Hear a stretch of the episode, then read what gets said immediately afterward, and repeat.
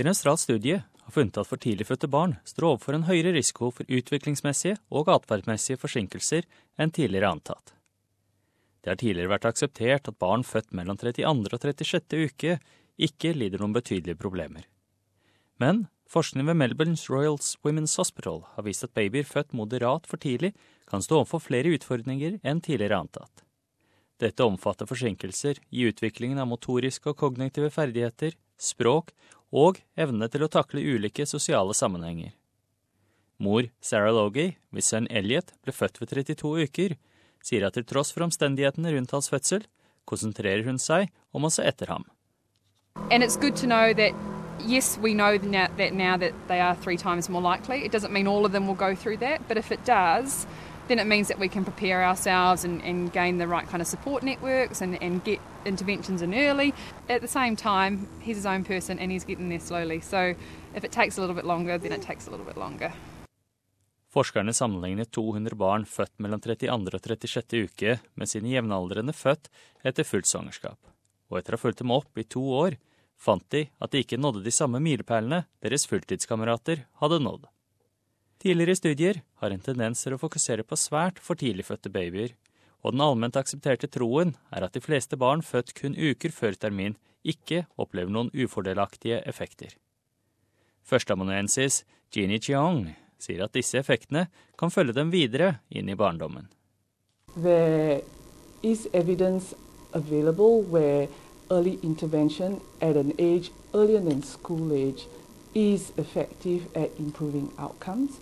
We would like to hope that we would have earlier predictors prior to school age where we would eh, be able to identify children at risk.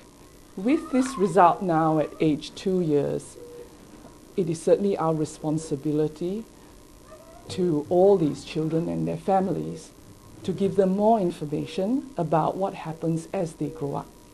And as we all know, school age is a time of great importance where children are learning new skills, they're transitioning into a new environment, and have to deal with new social interactions.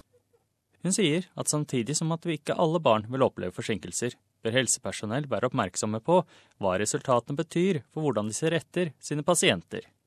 The risk of developmental delay should be factored into any decision making around delivery at 32 to 36 weeks. I know that this is already happening, and certainly the obstetric community are very aware of the increased risks of developmental delay. But obstetric decisions around early delivery are very complicated and take into account a lot of factors, of which this should be one of them from um, moving forward. Forskerne sier at de ønsker å fortsette å vurdere barna, som vil bli åtte år gamle i år. Rundt 21 000 barn blir født innenfor 32-36 ukers tidsrommet hvert år over hele landet. Professor Jonathan Morris fra Royal Australian College of Obstetricians and Gynecologists er enig i at forskningsresultatene kan endre dagens graviditetsretningslinjer.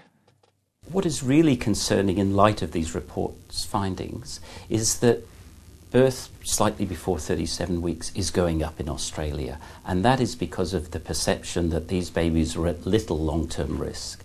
This is the strongest report that we have that tells us that view is wrong. A lot of the evidence that guides our practice has been short term. How does the baby do in hospital? But as obstetricians and others in the maternity care space, we need to think not only of short term outcomes but long term outcomes. And this report certainly urges us to reconsider some of our current practices.